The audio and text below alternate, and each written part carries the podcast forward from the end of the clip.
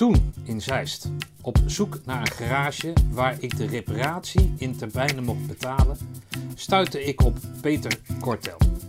We bleken elkaar uit Roosendaal te kennen. Peter was lid van het in omvang kleine eerste peloton, wat onder leiding stond van eerste luitenant van Weer. Jaren, jaren later zie ik mezelf zijn bruiloft met Marijke keten. Lichting 82.3. Vandaag in de Mutstas podcast het levensverhaal van de dienstplichtig commando Peter Kortel. Blijven innoveren. Commando Kortel 62 06 11 260. Uh, tegenover mij zit uh, Peter Kortel. En uh, om even in te leiden, Peter die kwam ik in Roosendaal tegen. Ik ben van 82,6. Jij bent van? 82,3. 82-3. Dus jullie waren zeg maar het oudste peloton toen wij als jongste peloton binnenkwamen. Ik kwam uh, jou uh, tegen, maar ik wist niet wie je was. En ik kwam jou tegen in Zeist, waar ik toen uh, tijd woonde. En ik zocht een, een garagist die iets op afbetaling deed. nou, dat deed Peter. En toen bleek in één keer dat we elkaar kenden uit Roosendaal om dat verhaal te vervolmaken, uh, ik heb in een uh, kroeg in, uh, in Utrecht gewerkt, waar het altijd gezellig toeven was. En dat was altijd een hele leuke meid, we hadden het erover. En op zaterdagochtend, die kwam dan altijd de stad in. Ik weet niet, altijd gezellig, hoe gaat het, bla bla bla, weet ik veel wat.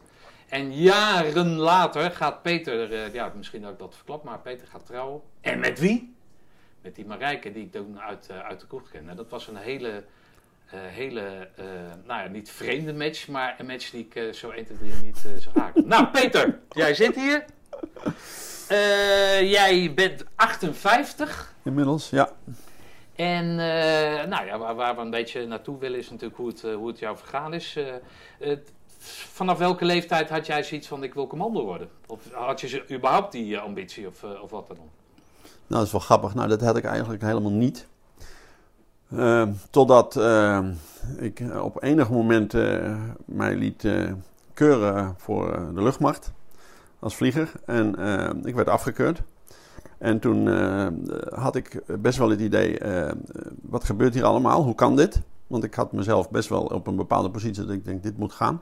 School ging dien ten gevolge in één keer helemaal niet meer goed. Niet zoals ik wilde. En toen heb ik uh, afscheid genomen van school en ik heb uh, mijn toen nog uitgestelde diensttijd uh, bekort. En ik heb gezegd, dan ga ik mijn groene bret halen.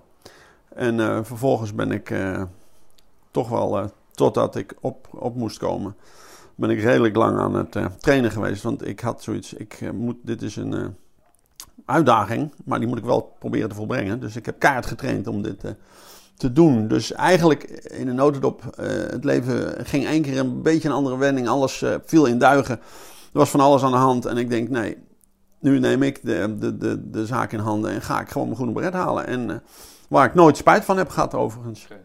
Maar wat, wat, waar, waar, stond die groene beret dan voor? Kom je uit een militaire, heb je een militaire achtergrond qua vaders of ooms of, of iets in die geest? Of? Ja, nou vader, oh, okay. vader vloog bij de luchtmacht en mijn, eh, de, de broers van mijn moeder heeft zelfs bij de luchtmacht gewerkt. Maar de broers van mijn moeder, dat zijn India-veteranen.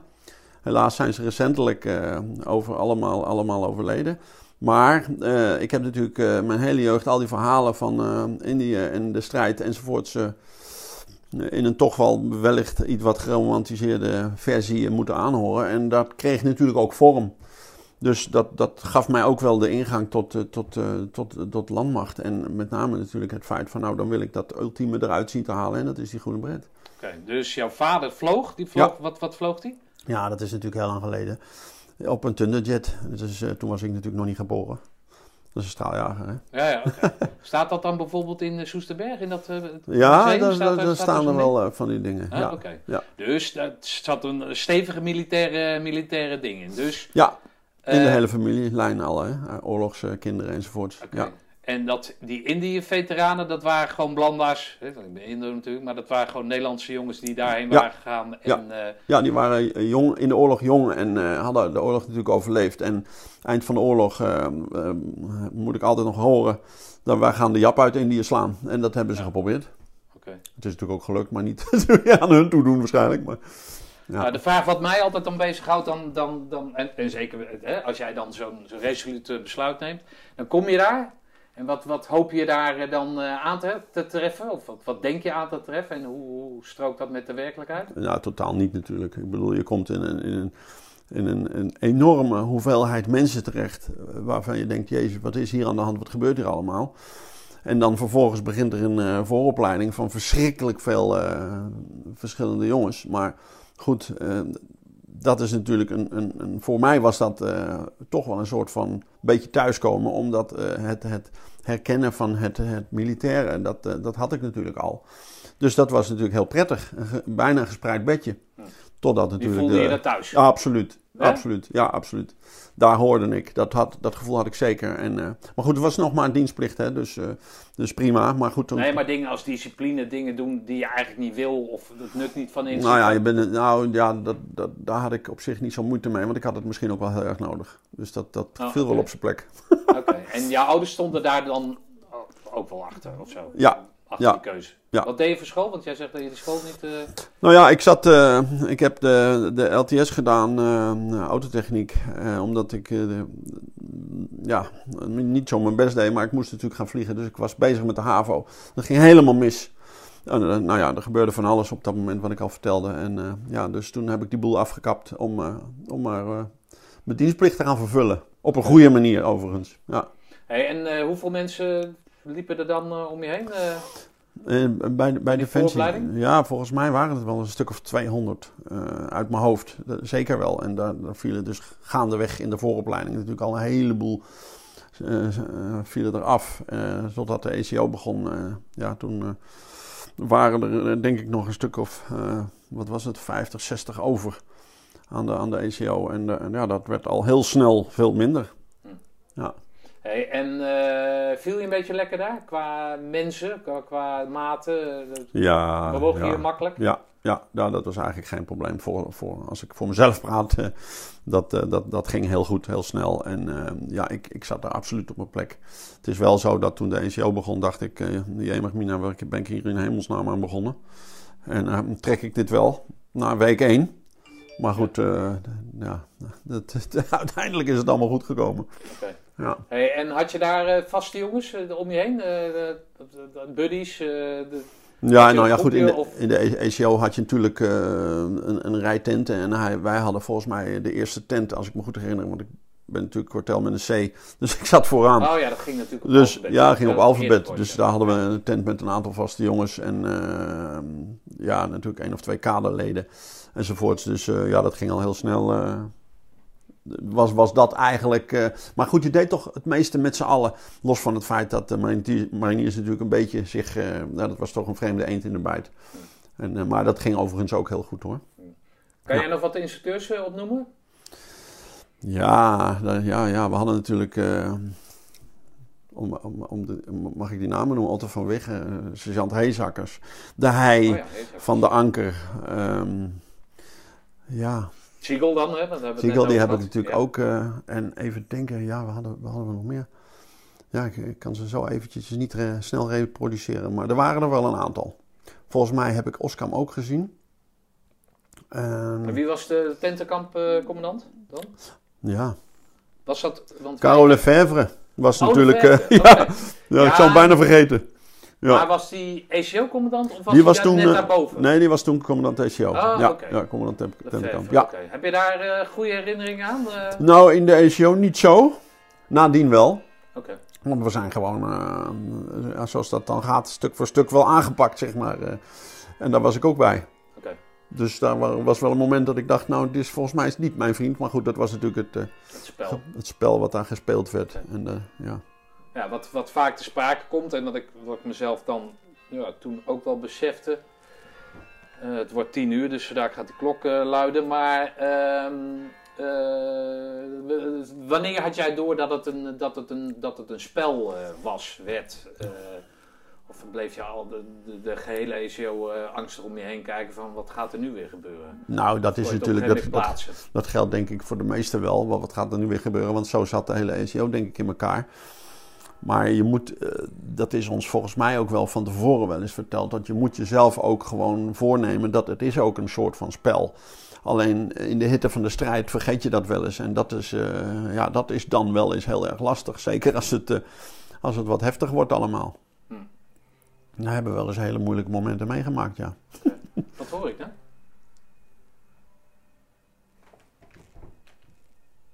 Is dat jouw laptop of zo die aanstaat?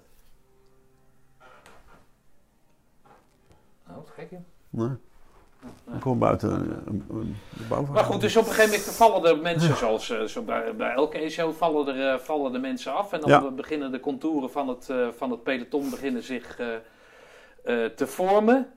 Eh, met zoveel blijf je, ga je richting Tranenpoort, zoals dat heet? Zoals Ja. dat heette toen? Nou ja, er waren natuurlijk, eh, volgens mij zijn op één na alle mariniers eh, door, de, door de poort gekomen. En wij waren uiteindelijk met een 18 man over. Oh, dat is niet veel. Nee, het waren er niet veel. Maar goed, ja, ja dat klopt. We waren ook volgens mij toen een van de, de, de kleinere lichtingen die over, overbleven inderdaad. Ja, ja dat, was, dat waren er niet veel. Oké. En daar, zaten, daar zat eh, Otto van Wiggen zat daarbij, Ja, die jullie pelotonscommandant Ja. wordt, werd. Ja. En sergeant Heezakkers, Hey, Zakkers, ja, die, die was... eh, was pelotons eh, Sergeant geworden. maar die, dat was dus tevens jullie opleider dus. Ja, Of dat, dat was wel grappig. Die is, dus, dus na de ECO, plotseling kwam die op als eh, onze, eh, ja, samen met Otto, eh, was die onze, moet hij ons peloton eh, leiden. Ja, En trekken. hoe was, dan, hoe was die band dan? Werd dat anders? Ja, natuurlijk werd dat anders, maar van opleider naar, naar, naar nou ja, eh, eh, ja pelotons. eh, Ja, de, de, de grap is, alle, alle, alle, alle instructeurs eh, hadden hun eigen manier van, laat ik maar zeggen, het spel spelen. En ehm, ja, Heesakkers heeft mij behoorlijk aangepakt. En toch was het in, in, de, in, in, in de 104 was het, eh, was het eh, ook natuurlijk een van de, de maten. En, en omdat je dus zoveel samen optrok en onder de grond zat enzovoorts, was het natuurlijk, werd het natuurlijk heel gauw één. Dus dat, dat, dat, die nare, of ja, nare, zware ervaring van de ECO, ja, wordt daarmee weggewerkt eigenlijk. Dat is, eh, Nou, jullie hadden wel, wat ik dan weet, en, eh, en zeker dan de grote, dat zal dan ook wel indruk hebben gemaakt. Want wij hadden een vrij groot, eh, groot peloton. Wel een heel stoer peloton. Hè? Omdat het natuurlijk kleiner is en dan zo'n heezakkers erbij. En dan Ja. zo'n beul als eh, Van Wiggen, die, ja, die liet Ja. zich natuurlijk ook niet omverblazen. nee, Dus het, het, Klopt. het, het- er stond wel wat, om het zo maar te Ja. zeggen. nee, dat klopt absoluut. Ja. Ja, ja Heesakkers, die hebben, we hebben ook eh, met, met, eh, met die overlevingsoefeningen, heeft hij absoluut die kar zo keihard getrokken. Dat, eh, nou, respect man. En eh, daar kan je gewoon een voorbeeld aan nemen. Ja. Heb jij nog contact met, met, met heezakkers bijvoorbeeld? Of, Nou, Van niet, niet, Wiggen? Of, niet, ja, nou, dat, dat, dat, met, met Heeshakkers dan niet. Die is natuurlijk eh, ook inmiddels met FLO, maar die, is, eh, die zien we dan alleen op eh, iedere reunie. Overigens is die erbij en laat hij zijn neus ook bij ons zien. En dat, dat is natuurlijk leuk. En nou ja, met uh, Wegge heb ik dan inderdaad eh, recentelijk eh, altijd nog wel een soort van contact gehouden. Omdat hij nog wel wat eh, boeken heeft geschreven die ik overigens gelezen heb. En hij doet, eh, hij doet wat leiderschapstraining die in mijn... Ja. Nou ja, jij vertelde dat je de, de band extra is niet alleen omdat hij je luitenant is geweest en omdat je in een klein, klein peloton hebt gezeten. Dus dat die banden gewoon wat, wat stevig zijn. Maar ook omdat jij ploeglid was in Ja. zijn... eh, hè, ja, dan kom je hij was, mijn, hij was mijn ploegcommandant. Ja, Ja, met die oefeningen kom je toch wat nader tot elkaar letterlijk. En, Ja, en nou ja, ook, ook weer hebben we samen on- onder de grond gezeten. En eh, hoewel hij natuurlijk officier was en moest nogal eens weg. Maar goed, dan was daar eh, andere kaderleden of, of, of heezakkers om eh, ons peloton eh, of ons ploegje te, mee op stap te gaan. Hey, is die band, eh, de, je, hebt er in het voorgesprek al wat over verteld, maar die band eh, onderling, is, is daar sprake van? Onderling van het hele peloton Ja? bedoel je? Ja hoor, we hebben, we hebben natuurlijk, eh, de, de, dat is wel grappig, er zijn altijd voor een heel peloton altijd een aantal mensen die of zijn onvindbaar of eh, melden zich niet meer of willen niet op reunies komen. Het zijn altijd eigenlijk een beetje dezelfde, maar bij de reunies zijn altijd, de vijfjarige reunies zijn altijd wel dezelfde jongens die, eh, die, die nog zich laten zien en, en een groot deel van de mariniers ook. En dat is wel leuk en daar hebben we gewoon, dat is overigens wel ja, na, na de ECO of, of nadat we afscheid van Defensie namen voor het groot overgedeeld, is, hebben we wel een hele goede band met de mariniers gekregen. Er is niet een, een scheiding die een beetje zo in de ECO wel eens was. Ja. Dat, dat, dat, dat is eigenlijk helemaal niet meer. Maar was dat ook tijdens je diensttijd dan? Want of heb je dat daarna opgepakt? Of hebben Nee, jullie dat daarna Ja, opgepakt? daarna, daarna. Oh. Want ik, ik ben nog lid van de, van de, van de wandel. eh, we doen nog wel eens wat wandelingen met, met, eh, met de mannen. En dat is eh, niet alleen omdat ze uit Roosendaal komen of wat dan ook. Maar het is natuurlijk fijn om, om eh, wat beweging te blijven doen enzovoorts. En met, met, met, met de oude maten, en dat is dan van heel veel verschillende lichtingen.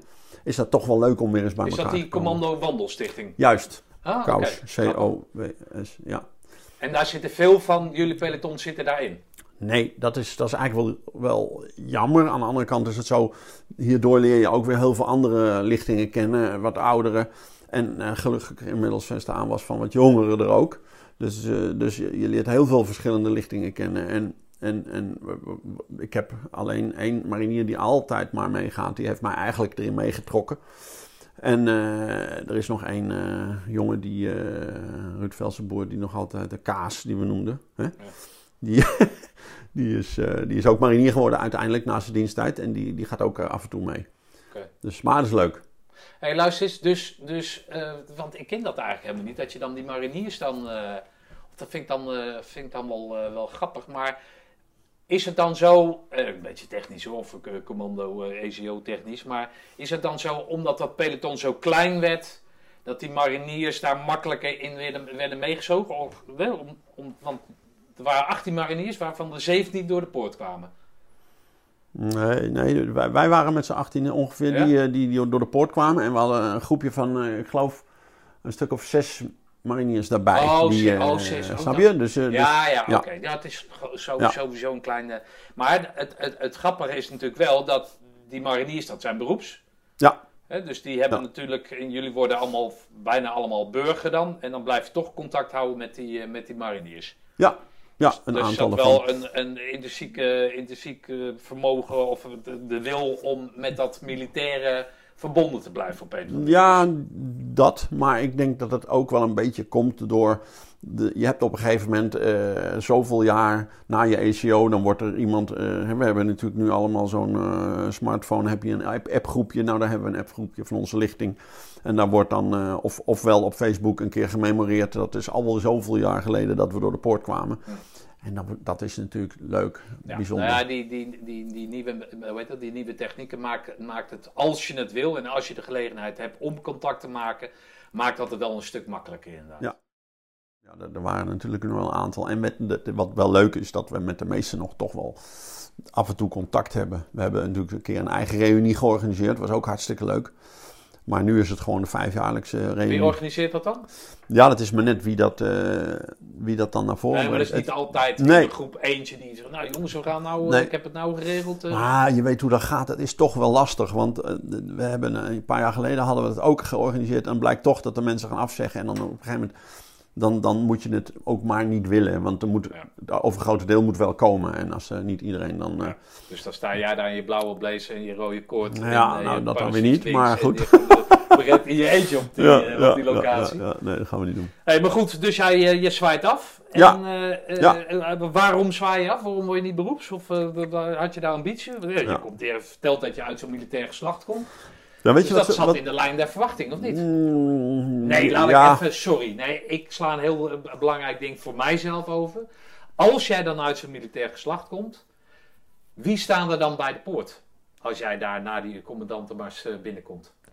Dat is, dat is grappig dat je dat zegt. Dat was toen, toen mijn moeder met mijn eh, vriendin en eh, ja, wat mijn vrouw ging worden en de moeder van mijn vier, kind, van mijn vier eerste kinderen.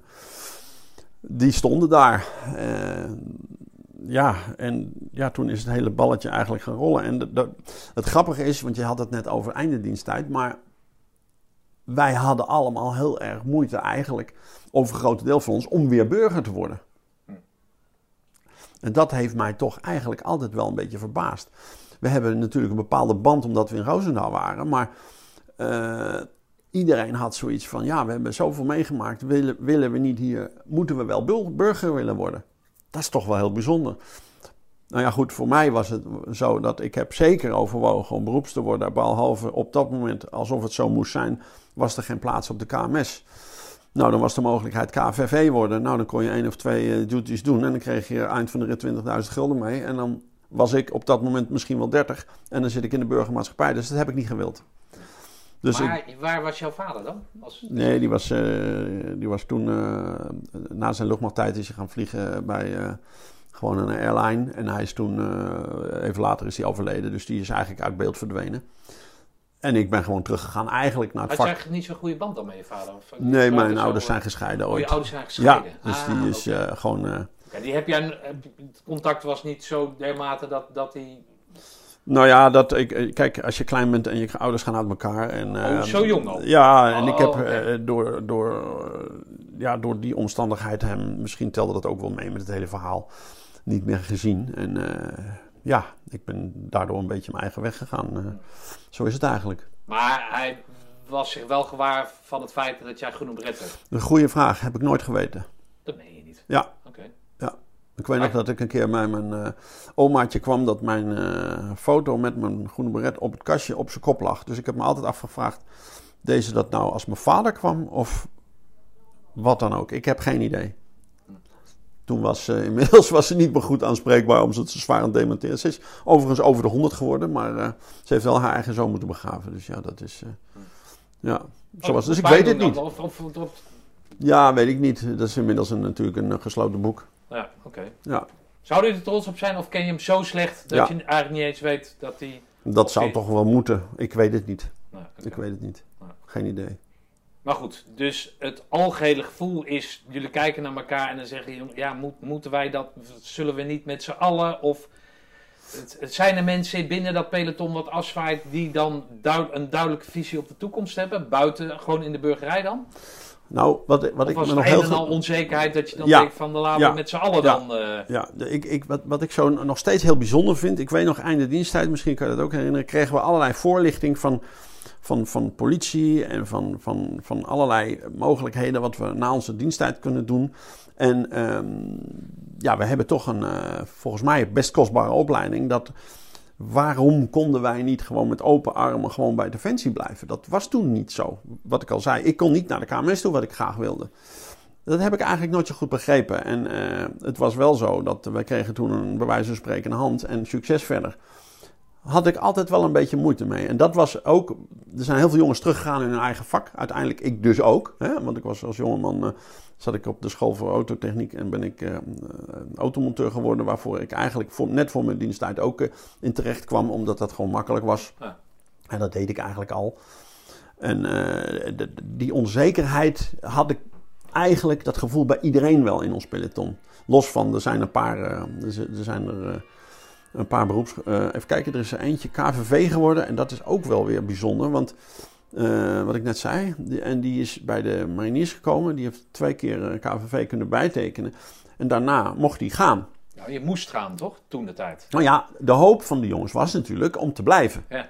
En dat lukte dan Ja, niet. dat, dat is En een is gekke, gekke constructie. Dat is, dat is heel vreemd. En Ja. wat ik al zei, je bent toch een duur opgeleid iemand. En, en waarom maakt de, wordt daar geen ruimte voor gemaakt? Ik Ja. heb dat nooit zo goed begrepen. Maar Nee. goed, zo is het en zo is het gelopen. Dus ja, heel apart, vind ik. Nou, is, wat ik begreep tegenwoordig is dat niet meer zo. Maar ja, goed, dat, dat, ja, misschien kwam dat ook wel omdat je toen een, een, een overvloed aan mensen had door die dienstplichtigen. Ja.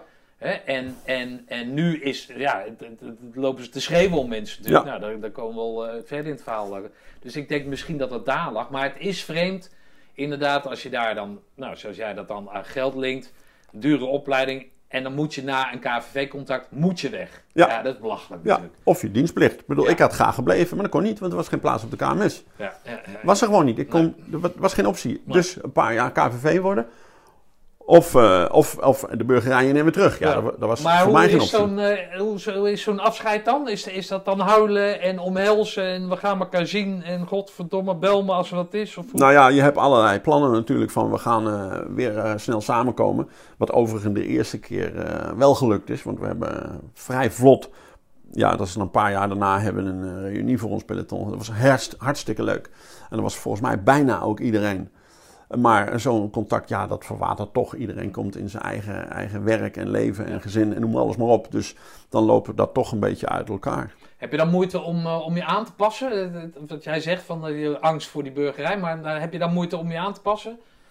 Doe je dan wat op je hoofd zetten elke ochtend? Of, of hoe, hoe zit dat dan? Hoe werkt dat bij jou dan? Nou, hoe ja, heeft dat gewerkt bij jou? Bij mij is eigenlijk zo dat ik, ik heb vanaf dat ik bij Defensie weg ben, het defensiesysteem altijd eigenlijk wel, of het op me, van elkaar op aankunnen, altijd wel gemist in de burgermaatschappij. En, dat, en, en tot op de dag van vandaag, dat ik wel eens denk, hoe bestaat het dat, dat, mensen iets, dat ik mensen iets van iets wil en, en dat dat dan niet opgepakt wordt of wij konden gewoon blind op elkaar vertrouwen. En dat is, dat is natuurlijk in de burgermaatschappij wel iets anders. Dus dat miste je? Ja, nog steeds. Ja, absoluut. En de duidelijkheid. We hadden zoveel, iedere dag, je hele de week was, was uh, besproken bij wijze van spreken, los van de ECO. Dan wist je op de dag niet wat, wat je ging doen. Maar, en dat was wel heel fijn. Hm. Hey, maar dan, dan, als jij dan nou ja, als jij zegt dat je duidelijkheid lekker vindt, uh, kies jij dan toch voor, voor een, een nou ja, nou ja, ongewis bestaan als ondernemer? Hoe, ja. hoe, hoe, weet je dat? Hoe, hoe rijm je dat dan? Ja, nou misschien, misschien ja, dat is een goede vraag. Misschien toch het, het avontuurlijke en, en dat is ja, wat je, wat je toch een beetje meekrijgt. Wij deden toch uh, best af en toe extreme dingen. Zoals, uh, hè, dan wisten we van tevoren dat we gingen helikopter vliegen. Nou, ik weet niet, maar dat doen wij normaal in de burgermaatschappij niet. Zomaar even voor de lol. En we werden nog voor betaald ook. Of nog mooier, we gingen uit het vliegtuig springen. Dat is natuurlijk helemaal fantastisch. 25 gulden per sprong. Nou, nu moeten we dat bedrag ervoor betalen. Dus dat was natuurlijk, dat was natuurlijk fantastisch. Hm. Nou, dat, ja, dat mis je dan natuurlijk wel. Ja, nee, natuurlijk. maar waarom, als je dat dan fijn vindt, hè, dat je ervoor beloond wordt. Als je, weet ik, 50 sprongen hebt, dan krijg je een wing. Of als jij iemand, uh, weet ik veel, het snelst over het hindernis gaat, dan krijg je een eh, medaille. Of, of, of waarom kies je dan voor dat, omdat je dat avontuur wil? Maar dan moet je, jij bent van de groep, hè, dat, dat ervaar jij dan ja. al snel. Maar dan, dat ondernemers, ik ken het. Ja. Dan moet je het eigenlijk, ja, je kan je wel omringen met mensen, maar een merendeel van de mensen die zeggen ja, als jij ook ja zegt. Ja, maar misschien is het zo dat in mijn geval, uh, uh, bij wijze van spreken, liep, liep het gewoon zo. Hè? Ik bedoel, ik kwam, op de KMS was geen plaats. Ik wilde als automonteur aan de gang. Kon ik geen werk krijgen. Ik heb wel wat, wat hier en daar werd gewerkt. Maar al heel vlot, dat, dat weet je wel, als je, als je automonteur bent of, of bouwvakker of wat dan ook, dan kan je werk krijgen. Ja. Nou, in mijn geval was het zo dat er, er, kwam iemand op mijn pad en die wilde eh, in mijn zoektocht naar een, een, goede baas, die wilde dat ik zijn bedrijf overnam. Ja, oké. Nou, dat is lekker. Nou, dat vond ik toen niet, maar ik denk, ik ga toch dat gesprek aan. Maar goed, daar kwam ik als eigenwijze burger uh, vertellen hoe ik het wou hebben. En daar zat een ondernemer die dacht van, ja, maar wacht even, dit is mijn bedrijf, het gaat zoals ik het wil. Waarop daar een accountant bij zat, die liet degene in kwestie waar het over ging, liet die gaan. En liet mij achter en zei: Peter, jij gaat voor jezelf beginnen. Hij zag wat in mij, wat ik waarschijnlijk niet eens in de gaten had. Legde letterlijk voor mij een kas en een bankboek neer. Hij zegt: Zo, jij gaat beginnen. Nou, ik had geloof ik uh, 10.000 gulden uh, aan, aan, aan, geld op mijn rekening en een gereedschapkist. En daar ging ik. En ik ben gewoon maar begonnen. En tot op de dag van vandaag. Maar dus, het schetsbeeld is, is dat dan in een garagebox? Is, is dat, ja. Is het... ja. Nou ja, wij hadden, wij hadden thuis een, een, een, eh, een huis waar een uh, garage achter in de tuin thuis stond. Thuis is met je vriendin? Nee, met, bij mijn ouderlijk oh, huis nog. En uh, ja, ik woonde inderdaad toen al niemand thuis. Maar daar had ik wel de ruimte om een, een autootje te maken, wat ik natuurlijk alles deed. En ik heb me gewoon ingeschreven en daar ben ik begonnen. In een ruimte waar één auto in kon met een kas en een bankboek en hoppakee. Oké, en, en hoe heette die garage toen? Nou ja, dat had natuurlijk geen naam. Ik moest een naam gaan bedenken. Dus ik ben uh, die dagen naar de Kamer van Koophandel gedaan. En ik heb, uh, ik heb maar de, de twee uh, voorletters van mijn naam en achternaam oh, genomen. Joh, is dat Peco? nou, het is wel een goede naam. ja, toch? Ja. ja het is wel hoe kom je erop? Doe eenvoudig. Maar goed, dat moest een plotseling bedacht worden. En, en, en, hoe, zag die, hoe zag jou, uh, hoe, hoe, kwam jij aan, uh, aan klanten dan? Is, is dat, is nou ja, dat komt, dat komt, dat, dat, dat, in principe heb je natuurlijk al heel veel mensen die hebben wel eens wat aan een auto of wat dan ook. Dus ja, dat had ik ook. En eh, ik, ik ging beginnen met de auto van mijn zus. En eh, ja, ik had een paar zussen, dus dat ging al heel snel. En, eh, maar goed, die verdienen natuurlijk helemaal geen geld. Maar dat begon natuurlijk wel. En mensen horen dat en zien dat. En nou fijn, e-, eerlijk gezegd, hoe het dan met de, met de marketing zeg maar ging. Ik heb geen idee, maar dat, dat mond start op mond. mond op mond. En daar begint het mee. En, Ja, nee, we en komen verder, verder in het verhaal komen we even op hoe jij dat nu doet. Maar dan ben ik wel benieuwd waar dat zaadje dan geplant is. Hè? Ik kan me voorstellen van... eh, iedereen wordt natuurlijk, eh, kent de verhalen over dat je opgelicht wordt door een garage. En als je dan een goede hebt, dan zeg je nee, dan moet je daar. Ja. Dan gaat dat mond op mond. En, en, maar hoe, hoe stond jij dan in dat klantencontact? eh, je lult makkelijk, dus, dus ik kan me wel voorstellen dat, je, dat, dat mensen naar je toe komen. Dat je er een babbeltje mee kan maken. Dat je niet alleen zwarte klauwen hebt, maar dat het ook nog een soort gezellig is. Een soort veilig. Zo van, oké, dat kan ik aan toevertrouwen. Of zie ik dat helemaal verkeerd? Nou ja, ik heb wel eh, ergens een ernstig gevoel voor rechtvaardigheid. En eh, dat, dat komt hier misschien ook wel een beetje tot uiting. Het is namelijk zo, ik, ik had niet in principe het idee van ik ga geld verdienen. Nee, ik moet gewoon wat doen en ik wil daarvoor betaald worden. Daarmee bedoel ik dat eh, iedereen heeft een auto en moet daarmee geholpen worden. En ze gaan wel eens kapot of hij moet onderhouden worden of wat dan ook. Nou, dat kan ik toevallig. Dus als jij dat probleem hebt, ga ik je daarmee helpen. En die tijd die ik daaraan besteed en wellicht wat onderdeeltjes, daar moet je voor betalen. Dus ik ben eigenlijk gewoon een dienstverlener. En zo heb ik dat eigenlijk van moment 1 af al gezien en dat doe ik eigenlijk nog steeds. Is het zo, ja? Oh, mooi. Ja, absoluut. Oké. Nou ja, ik, ik weet niet of je het mooi vindt, maar dat is mijn manier van, van, eh, van ermee werken. Als ik, als ik ga bedenken dat ik iedere dag eh, ga strijden voor eh, geld te verdienen, ja, daar word ik wel heel moe van. Dat, dat, zou ik niet willen. Nee, maar ik bedoel te zeggen, als je met één auto begint in Ja. de garagebox, Ja. als diezelfde zelfde motivatie of dat diezelfde gedachtegang Ja. er nu nog steeds in zit, dan Ja. heb je, heb je zeg wel het, het juiste ingevuld zoals het dan nu geworden is. Dus dat, dat vind ik dan mooi. Ja, Ja, toch? Dat je niet zegt van nou, eh, nou ja, je kent al die verhalen toch wel van televisie, hoe je Ja. opgelicht wordt en, Ja. eh, en dat soort zaken. nee, maar ik, ik, ik bedoel, ik weet van het bestaan af en, en, en dat is er. Ik zeg maar, ik heb daar geen last van. Sterker nog, misschien is het wel zo als, als iemand, eh, en, en jij bent er denk ik ook een van, die komt met een issue bij mij met je auto. En dat schept wel- wellicht een vertrouwen. En eh, zo is dat heel makkelijk verspreid dat als een olievlek. En, en, en ja, inmiddels heb ik geloof ik vier- 4000 klanten. Dus, eh, Ja. maar goed, daar heb ik ook wel een, meer dan 30 jaar voor nodig gehad. Maar zo is het natuurlijk, zo, zo gaat dat. 4000 klanten? Ja, nou komen ze niet allemaal tegelijk Nee. gelukkig, maar eh, ik, ik herinner me dat ik eh, volgens mij aan de, aan de 5.500 euro of, aan klantnummers nu inmiddels heb. Wil niet zeggen dat die allemaal nog steeds komen, want ik bouw het natuurlijk op. En ik heb een aantal die komen per jaar en op dat, dat vloeit Ja. af en, en ik hou ze natuurlijk wel bij. Dus hoeveel heb ik er concreet? Ja, dat, dat kan ik niet eens precies Maar zeggen. van die 5000 weet je wel ongeveer hoe, wat de klanten van het eerste uur zijn? Zijn, zijn Ja. die er nog bij je? Ja, nou dat is ook weer heel grappig, want eh, ik, ik heb klanten van het eerste uur heb ik nog. Maar het is ook nog altijd zo dat je ziet altijd op een gegeven moment, eh, en dat, soms komen ze dat me dat vertellen, van ik ga een nieuwe auto kopen, dus ik heb garantie en eh, dan kom ik voorlopig niet. Heel veel klanten komen weer terug, ze vloeien ook af door de natuurlijke selectie. Maar het is natuurlijk ook dat, dat heel veel klanten, wat jij al zegt, met, met eh, wellicht eh, wat rare gevoelens bij een ander weg moeten gaan of gaan. En, en vervolgens toch weer bij mij terechtkomen, omdat ze misschien het gevoel hebben dat Nee, zit daar dan een, eh, een klant van het eerste uur bij die nog steeds die auto heeft van toen? Die je nu nog in Nou. onderhoud hebt? Nee, dat, dat, dat geloof ik niet. Want dat, dat, dat is. Eh, ik heb wel wat oldtimers, maar dat. eh, Nee, niet zozeer oldtimers, nee, maar dat is het dan natuurlijk wel. Je koopt 30, 40 jaar terug koop je een Opel Ja. Kadett. Ja, En die weet jij, hè, en je rijdt er 3000 kilometer per, per jaar, staat altijd, nou, een oud vrouwtje, weet je wel, dat Ja. verhaal. En die jij dan onderhoudt en, en dat hij het nog steeds doet. ja. Ligt niet zozeer aan jou als Nee. wel aan het merk, Nee. maar nou, de 30 jaar, dan zijn ze wel heel oud. Maar, en die mensen dan ook. Dus eh, dat, dat is moeilijk. Maar er zijn wel mensen die van toen kwamen die nog komen.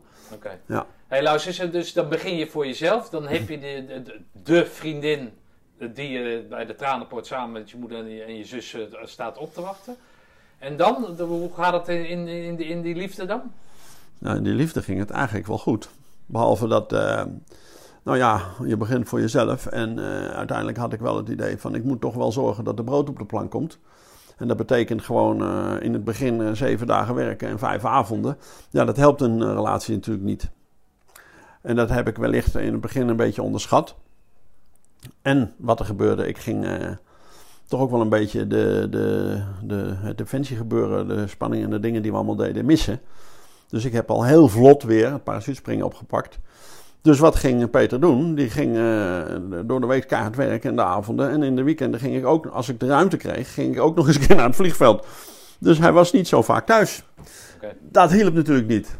Waren er toen al kinderen in het spel? Nou, die zijn geleidelijk aangekomen, inderdaad. En uh, ja, dat, uh, na heel veel, na, na, heel veel werk en alles heb ik toch...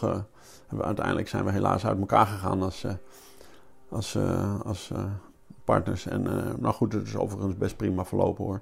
En, nee, maar goed, zeven dagen werken, vijf avonden werken. Was in het begin. Was in het begin. Omdat je natuurlijk... Uh, nee, je bouwt wat op. Je bouwt wat op. je moest, maar je dan moest... staat zij daar ook nog achter, achter ja, dat streven. in het begin wel. Ja, ja, ja, ja, Maar dan krijg je kinderen. Ja. Hoeveel kinderen heb je uit de eerste huwelijk? eerste heb ik er vier. Vier kinderen? Ja.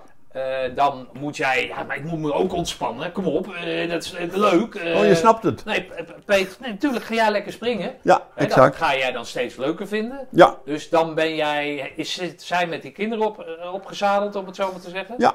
en exact. papa is eigenlijk alleen maar, ja, dat werken vindt hij leuk en dat springen ook. En dan versta, ontstaat er verwijdering. Doe jij daar dan wat aan, bosse bloemen of, of, of uh, ja, probeer het recht te breien? Of, uh... dat, dat, is natuurlijk zo lang geleden. In, in, het, in het begin natuurlijk wel, maar ja, dat, uh, voordat je het weet ben je over een soort grens heen en is, is er bijna geen weg meer terug. En natuurlijk doe je er van alles aan, maar ja, dat is... Hoe ziet dat van alles eruit dan? Ja, dat is een goede vraag. Nee, is dat van, nou schat, ik heb nou een auto op, de, die mag jij rijden. Is dat, is dat, want dat is je vak en daar ben je goed in. Nee, maar je, bedoelt, je, je moet natuurlijk proberen om de boel bij elkaar te, te houden. En ik heb een mooi huis voor de gekocht en al, allerlei dingen. Maar dan inmiddels is, het, is, het, het is ja, de strijd gestreden, lijkt het. En dan, uh, ja, dan vindt er uh, verwijdering plaats, ja. Oké. Ja, wij hadden in het voorgesprek, voorgesprek, dat klinkt zo zwaar, maar hadden we het even over uh, het militair zijn. En, en ja. dat jij, hè, dus wellicht uh, beroeps had willen worden. Ja. Toen zei ik, ja, niet dat ik die ambitie had, maar goed, ik heb er zo na zitten denken dat het mij tegenstond dat je dan één keer in de vier jaar moest verplaatsen ja. hè, van de locatie. Dan heb jij in principe, heb jij eigenlijk, hè, dus jij kan zeggen die zeven dagen, vijf avonden in de week, dat is dan bijvoorbeeld, hè, dat je bijvoorbeeld ECO-instructeur bent, dan ben je altijd weg. Ja. En in het weekend ga je dan uh, rugby of zo, als ja. je uh, onderofficier was geweest, want dat hoort er dan bij. En dan denk je dus, dus in principe heb je eigenlijk niks anders gedaan dan dat je bang was wat er in het korps zou gebeuren als, als je militair was geworden. Nee, dat klopt helemaal. Dus je hebt dat eigenlijk ook uit je handen laten glippen. Ja, dat klopt. Dat klopt. En, en ja, hoe, hoe, hoe, dat dan ontstaat, dat is natuurlijk heel moeilijk. Maar op een gegeven moment krijg je toch een soort verwijdering. En er is geen, lijkt het geen weg meer terug. Mm. En ja. Oké. Nee, maar jullie nemen goed met elkaar afscheid of zo, dat zeg jij? Ja, of het is goed gegaan? Jawel, jawel. Geen bonje, geen vechtscheiding, uh, moeilijke dingen, of wel?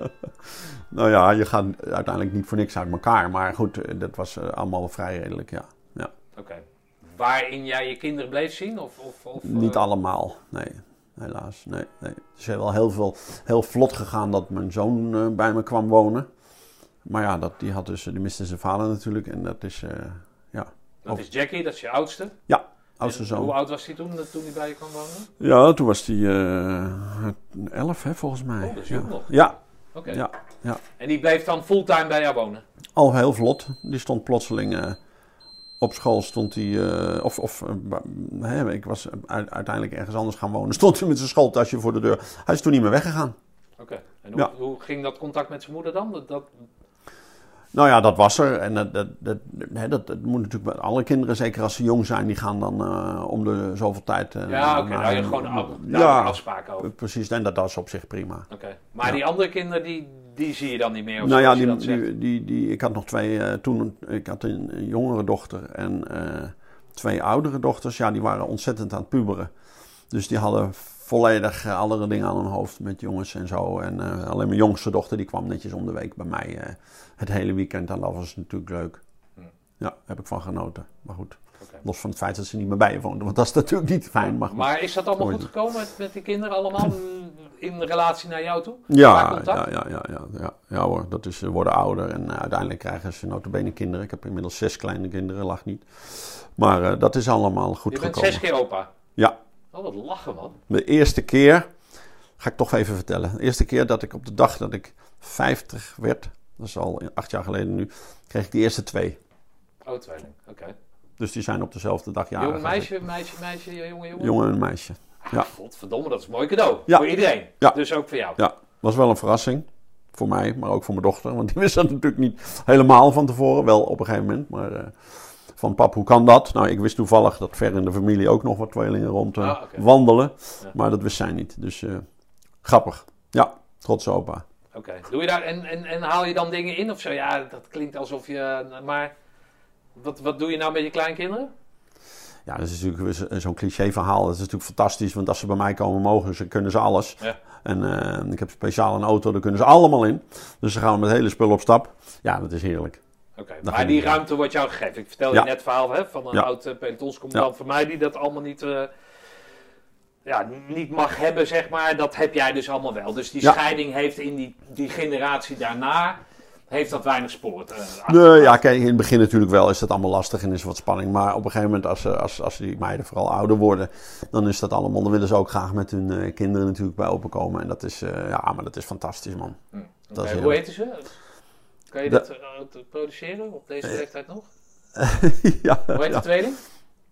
De tweede, ik heb, eh, de, van de kleinkinderen bedoel je natuurlijk, hè?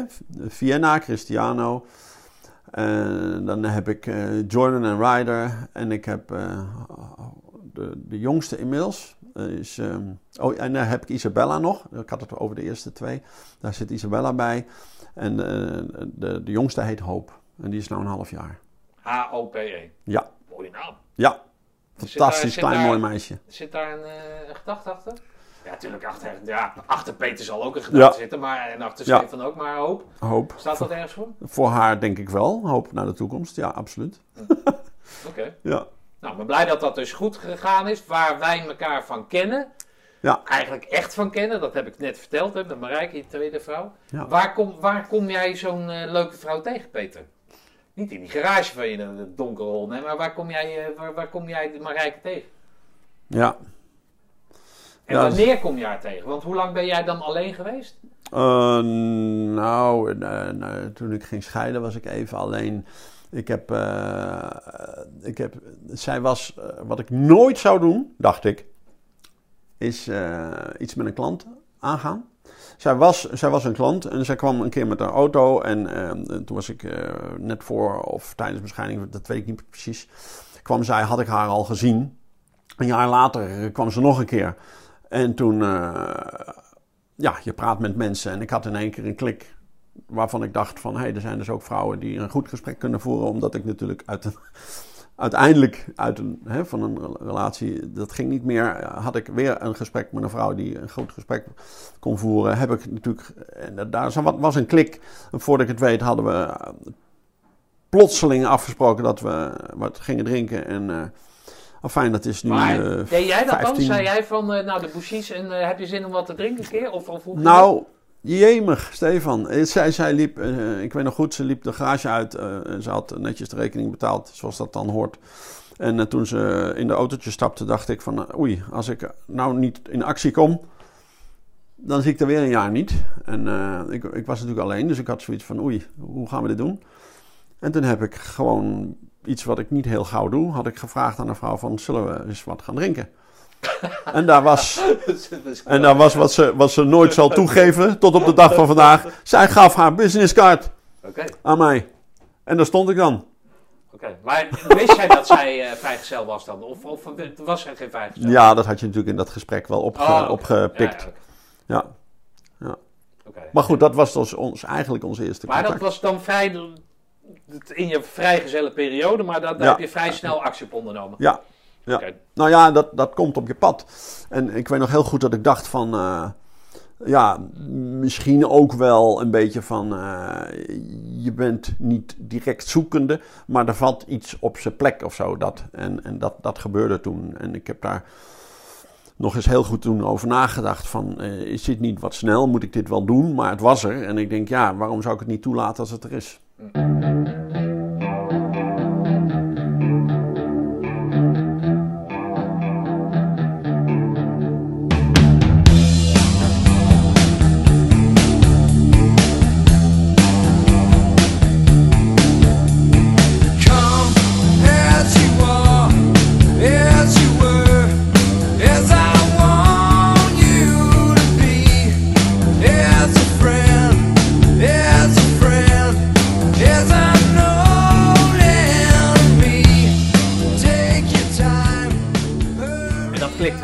Ja. ook. Ik had, ik had, ik had eh, plotseling een klik met een vrouw wat mij eh, eigenlijk verwonderde. Want ik, ja, ik was dat eigenlijk niet gewend. Ben, ben jij een danser en zo? Eh, dat- niet? Nee, ja, weet ik veel. Maar Nee, helemaal niet. in een discotheek vroeger, dan stond jij aan de bar. Ben je wel eens in het Fust geweest en dat soort eh, Ja, zaken? natuurlijk. Ik woon daar dan toch. Het, de Oh, is het zo, ja? Ja, het Dan ken jij Nol en eh, al Ja. Of ellende, hartstikke aardig. Ja. Nou ja, aardig. Ja? first eh, L'Etoile, eh, hoe heet het, daar om de hoek waar Nol stond. Hoe heet die? Twaalf ambachten? Ja, daar, daar was er ook zo'n discotheek, hoe heet die, waar al die Amerikanen kwamen. Ja, dat was het. Oh nee, ja. Pinocchio. Pinocchio, ja. Ja, Pinocchio. Ja. Ja. ja. Ja, ja. ja Oh, en- daar, ja, ging jij daar veel heen? Oh, nee, maar we gingen er wel heen, ja. Maar dat eh, veel niet. Maar ja, en natuurlijk Utrecht, hè. Ja, Oké, ja. oké. Dus dan sta jij aan de bar en de rest staat dan... Dan ja, dat, dat, dat, ja, Je dat beweegt zou, wat ritmisch mee op, op muziek, maar voor de Ja. rest is het... eh, zou kunnen, ja. Ja, oké. Zou best eens kunnen. En daar heb jij je eerste vrouw ook ontmoet, in dat circuit dan, zeg maar, of niet? Nee joh, mijn eerste vrouw die leerde ik kennen op de lagere school. Oh, zo, eh, zo diep, joh. Ja. Zo diep, zo... Oh. Ja. Ja, maar nou, ook in Zeist. Nee, want ik zat eh, vroeger, ik kwam, zoals ik vertelde, mijn ouders waren gescheiden. Ik ging met mijn moeder mee naar eh, omgeving van Zeist Beeldhoven en ik moest in, op de Kees Boekenschool. eh, en daar heb ik mijn eerste vrouw leren kennen. Oh. Op negenjarige leeftijd. Ja, Oké. ja. Al fijn, toen waren we eh, wel vriendjes, maar je groeit op en ik kwam haar weer tegen toen ik op school zat en op een bromfiets rondscheurde. Hm. En toen hebben we, zijn we samengekomen en Oké. nou fijn. De rest is duidelijk, denk ik. Hey, maar goed, dus dan, dan, dan ga jij... Ja, we zitten heel erg op het zachte gedeelte, maar... Waar wij elkaar dan weer treffen, want ik heb jouw bruiloft geketend. Ik vraag me af hoe dat dan kan. Nou, niet zozeer dat je mij hebt uitgekozen, als wel hoe wij daar dan in contact kwamen. Ja, ik weet dat wel een beetje, Ja? denk ik. Ja, nou ja, ik kwam natuurlijk. eh, wij kwamen een soort van samen door, ook misschien wel Marijke, want op een of andere manier was daar. Ik ging een keertje uit eten met haar en toen. Of het was jouw eigen restaurant, dat weet ik Oh, niet bij meer. Blauw kwam je natuurlijk. Weet je niet? En Ja, toen, ja, jij, oh, had, jij hebt natuurlijk, jij, hebt, jij hebt iets met ja, Indische keuken. Vrouwen van iemand anders. Oh, Nee, dat hoop ik toch niet. Dat weet ik heel veel niet trouwens. Maar goed. Nee, je had iets met de Indische keuken. En, en Ja. de grap is, wat ik al eerder vertelde. ehm, eh, mijn, mijn, mijn, eh, de broers van moeder, die hebben in Indië gevochten. Maar wat ik niet heb verteld, is dat mijn moeder is in Indië geboren. Ah. Want opa, hun vader natuurlijk, die werkte bij de Shell. En ze moesten na de oorlog, hebben zij jaren op eh, Indië, in, toen nog Indië, Ah, gewoond. Dus ik ben mijn Jij hele... hebt daar, hebt daar wat mee. Ik heb daar wat mee. Mijn hele jeugd ben ik over, overladen met alles wat uit het mooie Indië kwam. Ja, ja. En dan heb ik het ook over het eten. Wij gingen iedere week Indisch eten. Hm. Dus ik heb daar iets mee. Dus Waar ging je heen dan? In... ja, je, de, Den Dolder dan of zo, eh? Den Dolder, Ja, ja. maar Amsterdam. Ja, en en eh, je kan zo gek niet naar de vesting. En alle, alle Indische tentjes die je maar kan, kan bedenken, heb ik gezien. En overigens altijd van genoten. Maar goed, Oh, we, daar, daar kwamen wij naar bij en, en, en, dus, dus ik heb ook iets met die keuken. Ja, oké. Ja, en dan zie ik Marijke zitten en dan zie ik jou zitten natuurlijk. En, Hè? jij, en, Ja. en precies, Ja. en toen was hij, en, en hoe gaan we dat dan doen? Nou, voor mij was 1 en 1 2. Ja. Jij gaat dat doen. Ja, nee, oké. En dat Nee. doe jij hartstikke goed. Ja, oké. Zeg Oh, ik dan maar grappig, Ja. ja. Want dat was eh, eh, in... eh nou, waar is? Dicht, dicht bij, waar, waar, waar wonen jullie ook alweer? Waar wij woonden toen, Woon je daar niet meer dan? even denken hoor. Nee, wij woonden... woonde in, midden wij- in dat weiland. wij- Ja, dat is in Beest bedoel jij. Beest. Ja, ja. Daar woon je niet meer. Jawel, daar woon ik. Oh, nee, maar ik zit te denken of ik niet toen nog in uh, Wijk Buurstede woonde. Ik ben op een gegeven Nee. moment in, inderdaad eh, naar mijn eh, huis toe teruggegaan. Ja. Wonen jullie. Ja. Ja. Oké. Goed, en jullie zijn dus, eh, wat ik vertelde, dat ik laatst op Facebook zag dat je twee jaar bij elkaar was. Ik dacht, is dat twee jaar? Maar het blijkt dus Nee. acht jaar geleden Ja. dat jullie getrouwd zijn. Nee, nou, het- nee, het was eigenlijk zes, hè? Als het goed is, ben ik nu zes jaar getrouwd. Oh ja, nee, je bent zes jaar. Ja, twee jaar. Ja, oké. nee, ja, eh, zes jaar getrouwd. En eh, zijn daar nog kinderen uitgekomen dan uit je tweede huwelijk? Ja, Oké, Ja. wat leuk. nou, de, de, de, de grap is eigenlijk dat eh, ik... ik Marijke had geen kinderen en zij was, zij was zo leuk en aardig en lief voor mijn kinderen.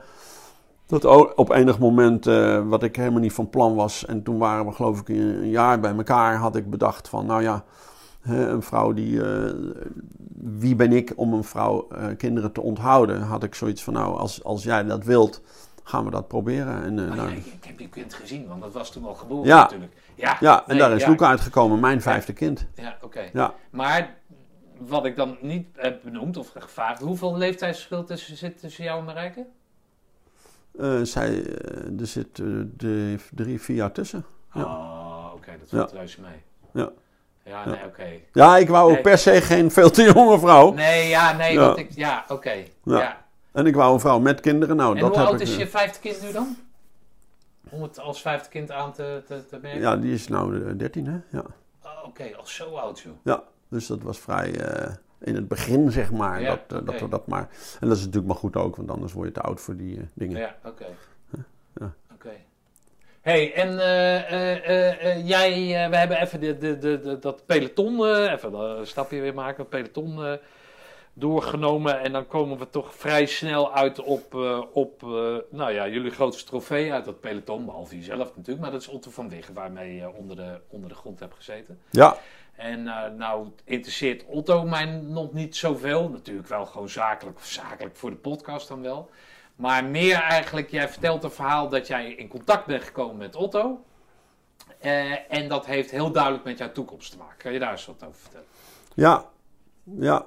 Ja, wat ik, wat ik al zei, ik heb natuurlijk een garagebedrijf eh, al eh, meer dan 30 jaar inmiddels. En eh, ik, ik heb eigenlijk nooit bedacht om, om, om een groot bedrijf te willen hebben. Nog steeds niet overigens. Maar ik heb wel te maken met het feit dat ik eigenlijk automonteur was. Die dus door het eigen bedrijf te hebben in één keer manager moest worden. Wat ik niet zozeer ambieer als wel dat het noodzaak is. En ja, hoe, hoe leer je dat? Ik heb nooit op... Ben je nog bakking? Nooit, Ja, eh, ja, hij is koud. Maar nooit eh, een, een managementopleiding gevolgd of wat dan ook. Maar toch te maken heb met het leidinggeven aan, eh, aan, aan, aan personeel, zeg maar. En ehm, ja, ik vind al die managementopleidingen, cursussen, daar heb ik een beetje mijn mening over. Ja. Misschien niet helemaal terecht. Maar wat wel zo is, is dat ik heb in de, in de afgelopen jaren natuurlijk eh, Otto aan de zijlijn wel gevolgd met het schrijven van zijn boeken enzovoorts. Dus ik heb eh, op enig moment via onze eh, LinkedIn gebeuren reageer ik nogal eens op, op, op de posts die er zijn. Ja, sorry dat ik je even onderbreek, maar misschien voor de, voor de eh, niet wetende luisteraar, wie is, wie is Otto? Dat, dat, want, want anders wordt het zo'n inside ding, wat het natuurlijk is. Maar wie is Otto? In, in de zin van wat hij nu doet. bedoel Nou ja, wat hij was, wat hij... Wat hij eh, Nou ja, hij is natuurlijk met, recent, recent met de FLO gegaan. Mijn, hij was aanvankelijk, eh, hij heeft natuurlijk carrière gemaakt binnen Defensie. Als eh, generaal uit, met de FLO gegaan. En daarna is hij samen met een, met een andere KMA-officier... is die, is die dus een, een, een leiderschapstraining begonnen. Ja. Of verder gegaan. En dat, dus dat hij heeft doet hij samen nu. met jou de ECO gedaan, Ja. of samen met jullie de ECO gedaan. Heeft daar als KMA-officier zijn groene bret gehaald. Is toen pelotonscommandant geworden. En heeft toen door de armee heen, zeg maar, een glanscarrière Ja. gemaakt. Ja. Jij zat met hem in de put. Ja, eh, of in de put, eh, in, eh, onder de grond. eh, onder de grond, zeg maar. Ja, Ja. Dus jij hebt eh, eh, die band eh, aangehouden en nu eh, treffen jullie elkaar weer op dat pad naar, naar wat, wat, hoe jij je toekomst nou ja, naar je hand wil gaan zetten. Ja, nou ja, wat, wat, wat misschien wel interessant is, is dat hij is natuurlijk eh, door zijn carrière leidinggevende geweest altijd. Dat was hij notabene al toen ik hem leerde kennen. Maar wat, wat wel grap- grappig is, is dat hij heeft boeken geschreven. eh, Niemand is belangrijker dan het team onder andere. Een heel belangrijk boek voor mij geweest. Want wat ik daarin ontdekte is dat de manier van leiding geven zoals ze nu eh, gebruiken bij Defensie, vooral bij eh, eh, Roosendaal, het, het Mission Command, zoals dat dan heet, dat viel zo op zijn plek bij mij, omdat ik dat eigenlijk een soort van nature al een klein beetje doe. En ik, ik heb dat natuurlijk met Otto ook over gehad. En, en, en daardoor ben ik eigenlijk ook eh, stoute schoenen aan, toch maar aan zo'n opleiding mee gaan doen. Nou ja, wat jij zegt, hè, de- de- de- de- de- midden in het verhaal zeg maar, tot nu toe. Dat herken ik heel erg, hè? dat je dus uit, die, eh, uit dienst komt en dat je dus in die burgermaatschappij komt en dat je die kameraadschap op elkaar rekenen en ik weet het allemaal niet, dat je dat, eh, dat, je dat mist hè? Of, dat, of dat je dat ontbeert. Als je dat dan voor jezelf gaat doen, dan eh, heb je niet altijd door hè? omdat, dat je met mensen werkt die het gewoon voor het geld doen. En dat geld, dat doen ze om hun vrije tijd te besteden. En waar een van mijn valkuilen bi- binnen mijn ondernemerschap was dat ik altijd dacht dat mensen hetzelfde dachten als ik. Snap je? Dus Ja. we, gaan pas, we gaan stoppen pas als het af is. Snap je? En andere is- mensen die in die burgermaatschappij, uit die burgermaatschappij komen. Ja, ja dat zal allemaal wel. Hè? Die zeggen natuurlijk, ja, gaan we dat doen. Maar die denken, ja, ik ben nou 36,5 uur aan het bezig. Maar ik word maar betaald voor 36 uur. Ja. Snap je? En dat, dat kan op een gegeven moment kan dat opbreken. Toch? Is dat een beetje wat je, wat je bedoelt? Wat, je, wat, je, wat je, jij ook ontbeerd hebt? Wat jij bent tegengekomen in dat, in dat dit? Dat mission command is van, nou ja, goed, weet je wel, we doen het met z'n allen en, en iedereen doet waar hij goed in is. Ja, En, precies. en dat is wat jij ook mist binnen, binnen die, dat, die hele context van de Nou ja, baas, eh, eh, mis, werknemers. wat, wat ik vooral eh, heel veel moeite mee heb gehad en misschien nog wel steeds, is dat je verwacht van andere mensen dat ze er net zo in staan als jij. Of het net zo zien als jij. En inderdaad, dat is gewoon dus niet zo. Dus wat je moet doen, schijnbaar, is je moet er kunnen verplaatsen. Of rekening houden met anderen hoe ze erover denken. En, en dat, is, dat is natuurlijk lastig. Ook wel eens heel erg vermoeiend. En, en dat, dat is wel wat je als, als manager eigenlijk moet doen. Om te, om te zorgen dat, dat je de, de, de juiste mensen begrijpt en weet wat ze voor je kunnen of willen doen. Ja. En, en ik vind dat nog wel steeds wel eens lastig, ja. Maar geef eens dan eens een voorbeeld in de praktijk nu binnen jouw garagebedrijf waarin jij het lastig vindt om lessen, eh, de lessen die je geleerd hebt bij Otto dan, om die in praktijk te brengen? Nou ja, wij hebben natuurlijk het beroemde spreekwoord: een goed verstaander heeft een half woord nodig. De vraag alleen is of als ik denk dat als ik een opdracht aan iemand geef.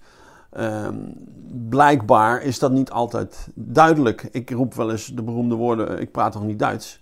Of Russisch of wat dan ook. Waarom begrijpen ze me niet?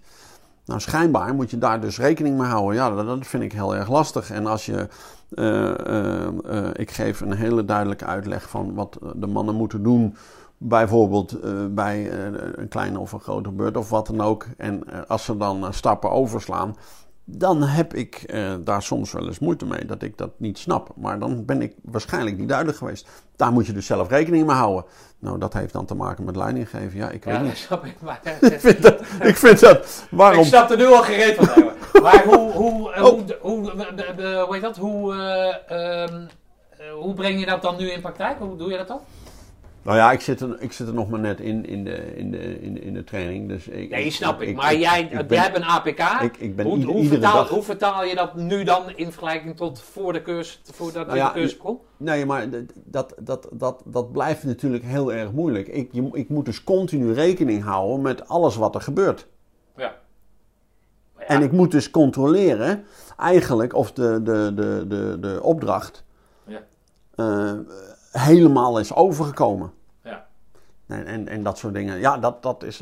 Maar goed, er, er is nog wat anders. En dat is dat je moet dus altijd een soort van ook zelfreflectie doen. Ja, dat vind ik ook lastig. Want voor mij is alles heel makkelijk en simpel en duidelijk. Maar dat Ja. is zeker niet voor een ander zo. En, en dat is eigenlijk waar het iedere dag om Ja. draait. Maar, eh, ja, ik heb natuurlijk geen K, maar weet ik veel, leiderschapscursussen, die zijn niet Ja, ik besteed, ook nog ik niet, zoek hoor. het allemaal lekker wel zelf uit. Flik maar op als je het anders denkt. Precies. Daarom sta ik ook in de afwas. Nee hoor. Maar ehm, eh, eh, ben jij dan van het model eigenlijk van ik ga erboven staan. Hè? Dus Integendeel. mij maar meneer. Nee, integendeel. Dat is dus ook mijn probleem. Ik ben altijd one of the guys. Ja, dat is moeilijk hè? Dan. Dat, nee, ja, ja dat, dat one of the guys zijn is niet moeilijk. Nee, nee, natuurlijk Het niet. erboven staan is moeilijk. Ik vind dat moeilijk. En Nee, waarom? ja, de maar- vraag is, waarom moet ik me erboven verplaatsen? Ik wil dat ook helemaal niet. Snap je wat ik bedoel? Alleen af en toe is het nodig. Af en toe moet, ja, gek, Ja, plastisch een gezegd, een leider. hè, ik Ja. een sterke leider, maar een sterke leider wordt natuurlijk.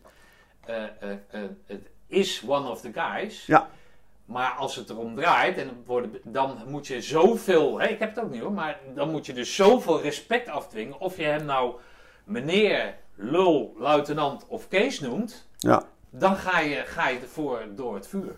Of zo. Ja, En dat zou bij en- de APK-keuring iets minder zijn. Het is precies dat wat je zegt.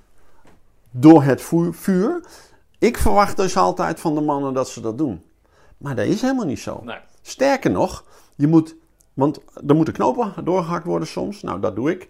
Heb ik ook geen moeite mee. En dan verwacht je eigenlijk dat je de mannen op je rug meeneemt. Ja. En ik verwacht dat ze dus meegaan. Maar je moet ze meenemen. En dat is iets, ja, dat moet ik ook leren. En dat hadden wij vroeger natuurlijk niet. Want eh, hè, dan heb ik het over mijn, mijn defensietijd. Want ja, dan was er, moest er iets gebeuren en de mannen deden het gewoon. Ja. En nu is het zo, dan moet je dus controleren en in de gaten hebben. Heb je de mannen wel mee? Nou, dat heeft daarmee te maken. En dat vind ik nog steeds lastig. En, en vertaal jij dat ook, of level je dan ook met, met de mannen? Zoals Nou ja, dat, dat, dat, dat, wat ik al zei, dat ben ik, ben ik eh, toch wel aan het leren. En ik, ik, ik vind het soms heel lastig om dingen uit hun treuren uit te leggen. Want ik heb nog zoiets, als ik iets vertel, dan is het volgens mij hartstikke duidelijk. Maar dat is dus niet altijd zo. En dat vind, dat vind ik nog steeds lastig. Oké. Maar eh, wordt daar, wordt, gaat de sfeer daar, eh, dat, gaat het ten koste van de sfeer? Of? Nou, volgens mij niet. Nee, en daar zorg ik ook wel voor. Nee, oké. Ja, nee, want ik, we proberen natuurlijk het, het zogenaamde modewoord team ja, wel te gebruiken op, op een positieve manier. En natuurlijk moet er wel eens met een scepter gezwaaid worden. Dat is gewoon zo. Ja, oké. Maar dat hoort erbij. Maar eh, nu jij dan in dat proces, ja, proces klinkt misschien heel zwaar, maar nu Ja. jij in die, die transitie zit, dan, dan zit jij s'avonds op een stoel en denk van, heb ik, wat, wat heb ik nou goed gedaan, wat heb ik verkeerd gedaan? Of, of- Ja, nou, de, sterker nog, ik zie, nu zie ik dat ik toch wel wat dingetjes eh, laat liggen. oh, noem eens wat dan. Nou, dat, wat ik net zei. Dat Ja, ik oké, dus maar meer eens wat anders. Nou, ik ik moet dus eh, rekening houden met eh, het feit dat de jongens niet op mijn lijn zullen kunnen zitten. Dus ik mis wel eens dingen. Zoals er is iets niet aan een auto gecontroleerd. Hoe kan dat dan? Ja, ik moest dus klaarblijkelijk sommige dingen duidelijker uitleggen. Ja, maar of zijn dat checklisten, Ja. zijn dat, dat, da- daar ben je nu mee bezig dan? Ja, eh, je hebt toch continu in, in, in, in een vo- vooruitstrevend bedrijf, zoals ik probeer mijn bedrijf te hebben, is toch altijd met vernieuwing te maken. En ik heb altijd van allerlei ideeën. De, klant komt de auto brengen, er moet even, even eh, de, eh, met een APK, wat niet relevant is, moet een ruitenspoortje bijgevuld worden. Ik vind dat, ja, laten we daar in ieder geval even naar kijken. We zijn dienstverlener, wat ik al zei.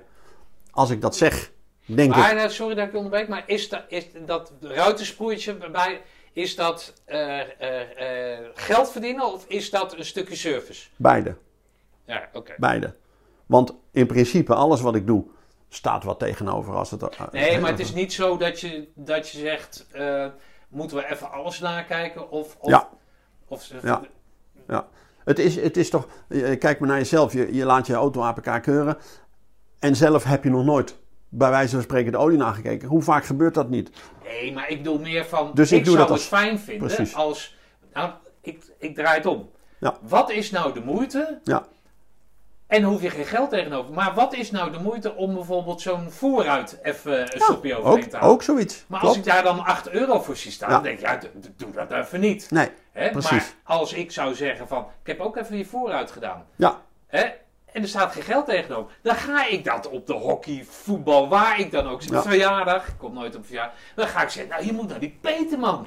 Ja. Als je auto, eh je auto eruit gewassen moet, dan moet je... Nee, maar snap je, dat Ja. stukje service, dat is natuurlijk heel erg horeca is dat. ja klopt. Hè, maar die gasvrijheid, dat, Ja. dat, dat, daar bind je natuurlijk mensen mee. Dat doen wij natuurlijk ook. Ja, oké, maar staat Hè? daar altijd geld tegenover? Nee, Nee, oké. nee, nee zeker niet. Zeker niet. Heb je goede koffie bijvoorbeeld dan? Ja, Wat voor koffie heb je dan? Zo'n automaat of... eh ja, ja, ja, ja. Goede automaat? Ik denk het wel. Verse bonen. Oh, oké. Maar daar, dat, daar zit een gedachte achter dus. Absoluut, ja. Absoluut. En, en, en de grap is, dat snij- mes snijdt natuurlijk weer aan twee kanten. Wij drinken koffie overdag. Dat is wel lekker als het goed is. En de klanten die vinden- zijn ook tevreden. Ja, oké. En hoe belangrijk is dat? Nou, ik denk wel. Ja, oké. Maar dat is weer mijn nou ga visie. ik een, sla ik een stap over, maar eh, duurzaamheid had je het over hè, Ja. binnen dat bedrijf. Dat- dat- waar, waar roer jij dan de koffie mee? Zijn dat plastic eh, eh, lepeltjes? Of, of, Ja, Hoe ken dat dan? ja, dat is een goede vraag.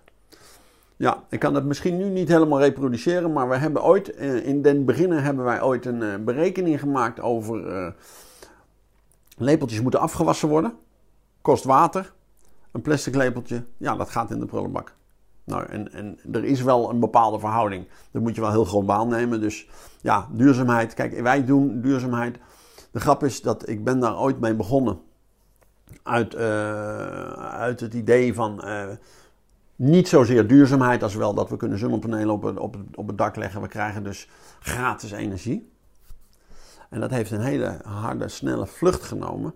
En voordat ik het wist, kwam bij mij uh, de gemeente langs en wilde mij uh, een assessment doen over hoe duurzaam ben ik nou eigenlijk. En vervolgens bleek ik het eerste duurzame bedrijf van Zeist te zijn. Ja, Omdat ik er zoveel aan deed. Ja. Maar dat was niet zozeer bewust duurzaam. Het was meer rekening houden met uh, dat het licht op tijd uitgaat. speciale verlichting, nou, wat ik al zei, zonnepanelen. De hele stroom van het pand af s'avonds. Ja, dat soort gekke dingen. De wc-licht gaat aan als je naar binnen gaat. En maar dat waren toch, uh, als je dat dan allemaal in kaart gaat brengen, niet alle bedrijven hebben dat. Ja. Ja, het was dus niet zo van hoe kan ik gaan opvallen, weet je wat, ik word duurzaam. Maar het nee. was meer duurzaam van, nou ja, eigenlijk wil gewoon op de centjes passen. Ja, En uh, hoe kunnen we dat financieren en hoe kunnen we het zelf beter worden? Ja, en klaarblijkelijk waren er dus uh, uiteindelijk mensen die dat in de krant zagen en dachten van, hé, hey, dat is toch uh, belangrijk dat die meneer van de garage daarmee bezig is op die manier. Ik ga daar naartoe. Want je moet zo zien, een, ehm, een, een, auto is natuurlijk per definitie vervuilend. Ik heb een garage, dus ik ben mede verantwoordelijk voor de vervuiling van die auto.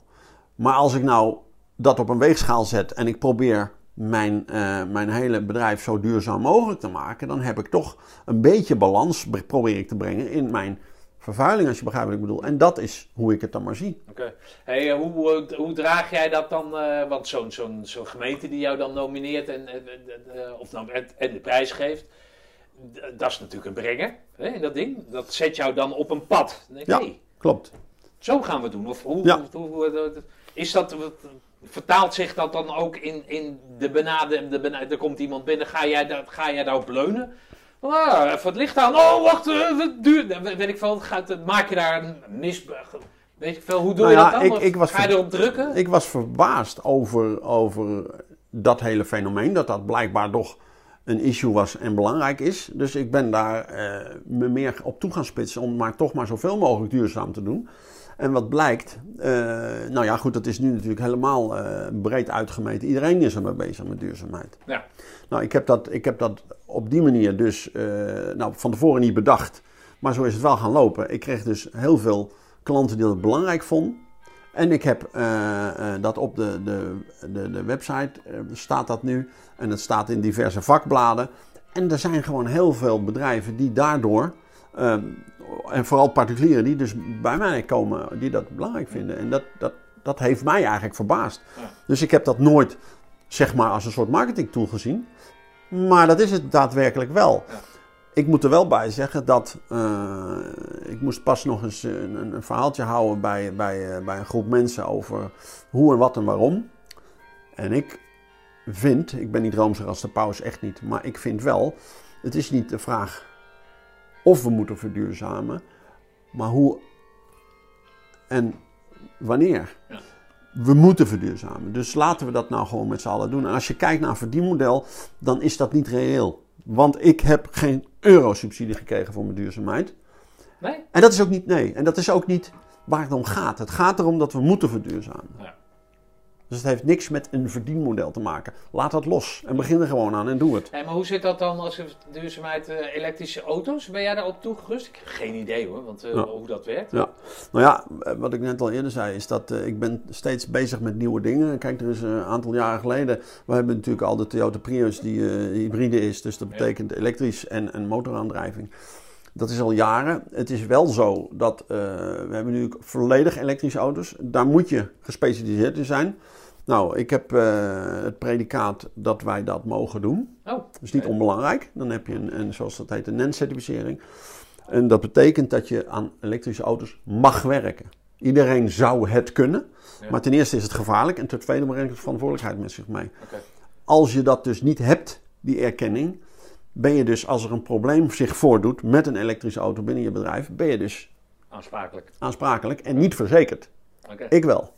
Omdat Daar heb je een opleiding voor gevolgd. Ja, Oké, Ja. maar die opleiding, dan ben jij leermeester ook binnen de, je zei het Ja. namelijk dat je leermeester. Ja. Dan leer jij jouw monteurs, leerlingen, weet ik veel, leer jij dan dat vak ook? Ja. Het elektrische vak, zeg. Ja, het is wel zo dat we binnen mijn bedrijf hebben we allerlei. eh, iedereen heeft zo zijn specialisatie. Nou, het is, het is eh, natuurlijk, ik moet daar proberen de boel te runnen. Dus ik doe niet alles zelf. En ik heb voor die elektrische auto's heb ik dus één specifiek opgeleide monteur. Die alle diploma's daarvoor heeft. Zijn er in Zeist, in Nederland, weet ik veel, zijn er veel van dat soort bedrijven die die een NEN-keuring of een NEN-certificaat hebben? eerlijk gezegd weet ik net, dat niet. Het wordt niet breed uitgemeten. Want als je dat hebt, moet je wel het predicaat op de deur hebben. En ik heb dat wel. Nou, controleer ik dat niet bij anderen. Maar eigenlijk zou een ieder die naar een garage gaat met zijn elektrische auto, zou dat wel moeten controleren. Ja, maar nu, die, merendeel is lease, denk ik. Dat gaat dan naar de leasemaatschappij, ze keuren hem en dan gaat hij terug. Een leasemaatschappij die brengt ze natuurlijk naar de garage waar die auto vandaan komt. Ja, en een dealerbedrijf heeft dat natuurlijk wel. Ja, oké. Sterker nog, die moet dat hebben. Nee, oké. Maar jij levert geen nieuwe auto's. Nee. want Jij verkoopt geen auto's. Nee. Dus jij bent, zeg maar, binnen dat segment ben jij helemaal toegerust Ja. op de toekomst. Precies. Jij, of jij vertelt net dat, eh, in het voorgesprek, dat Otto jou belt. Ja, Die zei, joh, Peter, godverdomme. ja. Wat zei hij? Ja, iets in die trant. Eh, omdat ik natuurlijk, ik, ik kijk steeds op, dat, eh, op al die eh, hè, social media dingen van LinkedIn, of steeds, daar kom ik dat natuurlijk tegen.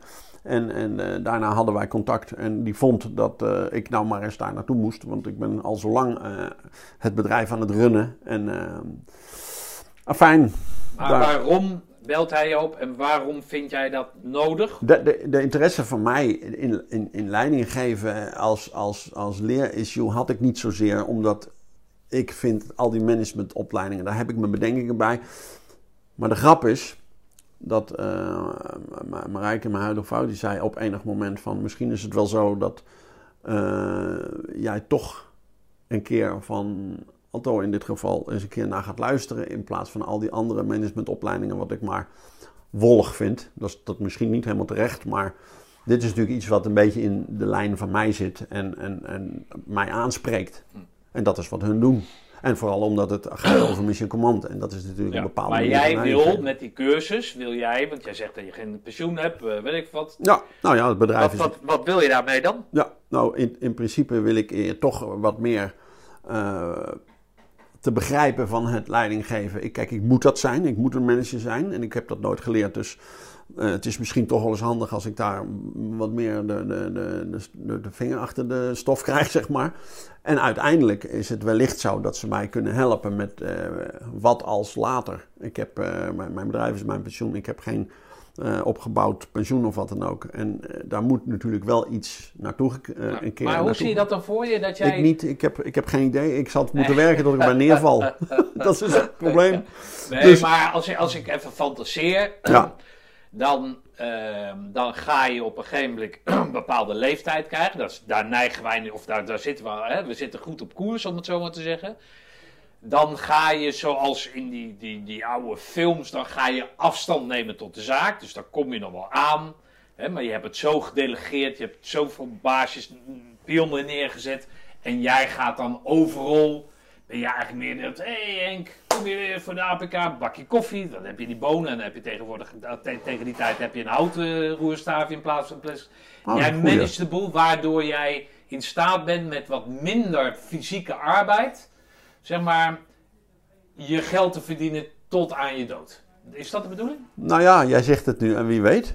Nee, maar dat... Dat, zou kunnen. Ja, dat zou Ja, want kunnen. hoe Ja. moet je met, wat moet je anders met een leiderschap zetten? Nou ja, er is... Er is Kijk, de- weet je, verkoop. Hoe Kijk- verkoop ik mijn bedrijf? Mm, Ja, nou ja, ja, maar eh, het begint al met eh, bijvoorbeeld, eh, kijk, het is natuurlijk mijn, mijn winkeltje. Ik heb dat van mo- moment één af opgezet.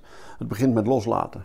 En, en dat is, eh, vind Ja, ik dat nu is al. ook wel iets. Hè? Hoe, ja, doe je dat dan? Snap je? Ja, niet. Dat Oh, vind ik niet? lastig. Ja, dat, dat vind Ben jij lastig. nog steeds zeven dagen in de week, vijf dagen? Nee, dat, is natuurlijk, dat was alleen het begin. Nee, Kijk, snap ik. Maar die, die instelling. Nou ja, ik, ik vind het wel lastig om, om er niet te zijn. Oké. Daar begint het al. Hè? Vind Dus- je dit lastig? Om, eh, want Ja. jij zei van soms. Ja? Ja. Oké, nou, dat kenmerkt je. Ja, maar dat is, dat is waar. Maar eh, het begint natuurlijk bij het goede mensen. En ik, die heb ik inmiddels wel. Dus het kan. Oké. Zo, zo is het ook. Maar dat wil niet zeggen dat ik dat Nee, maar ik zie je niet op je telefoon kijken. Nee. Ik zie niet, niet die... Nee. Nee. Dat- Maar is goed, hè? Ja, Ik ja vind- dat, ik, vind het ik, alleen ik maar moet goed. dat ook leren. Want ik, ik deed dat op een gegeven moment niet. Hè. Ik Ja. kreeg twee, drie, weet ik veel, zoveel zaken. Ja. En toen had ik zelf bij mezelf besloten van ja, ik kan me er heel erg druk op gaan maken wat er in Amsterdam gebeurt. Maar als ik in Amsterdam ben, ben ik in Utrecht niet. Ja, dus ik probeer precies. daar goede mensen neer te zetten. Zodat ik, en daar heb ik ook veel moeite voor moeten doen, maar dat ik afstanden. Maar dan gaat de grip wel weg. Klopt. Snap je? Ik had weet ik ja. hoeveel zaken. En ik werk nu in de afwas bij een zaak en die hebben het zo op één locatie. Ja, je loopt 100 meter, je hebt alles in de gaten. Snap je? En ze zijn er altijd, daar leer ik heel veel van. Ja.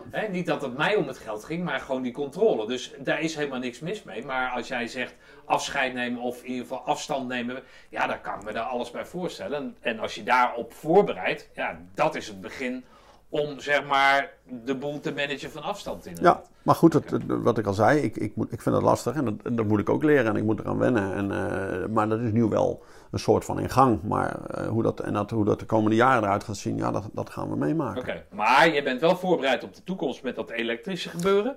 Nou ja, dat bedrijf dat moet natuurlijk, zolang dat eh, bezig blijft met ver- vernieuwen, Ja. hè, blijven we natuurlijk in de markt. En Ja, dat is natuurlijk maar jij hebt verstand van die markt. Wanneer gaan de, de, de, de traditionele auto's eruit?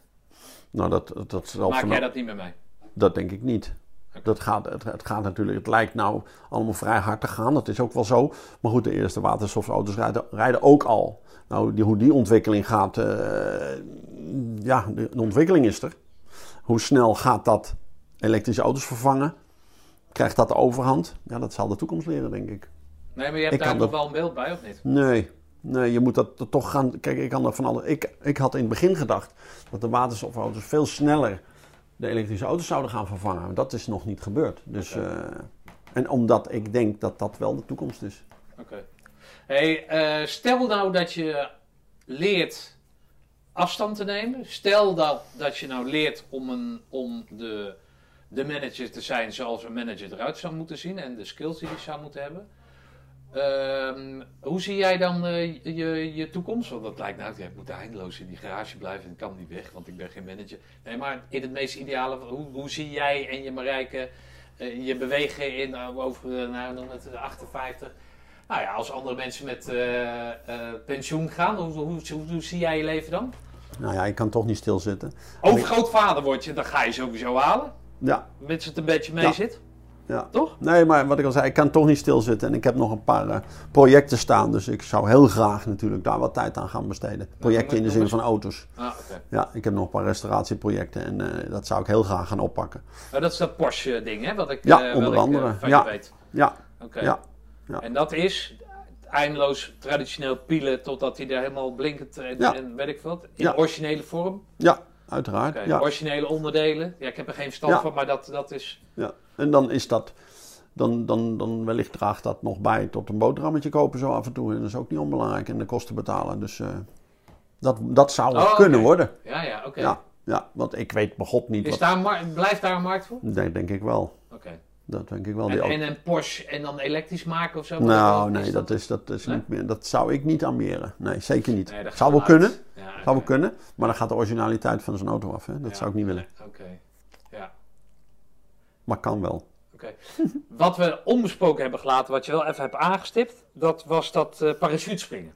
Ja, Jij loopt moeilijk, of je loopt moeilijk, je hebt, je, je- dat, Ja, dat heeft goed, met ik- dat parachutespringen te maken, toch?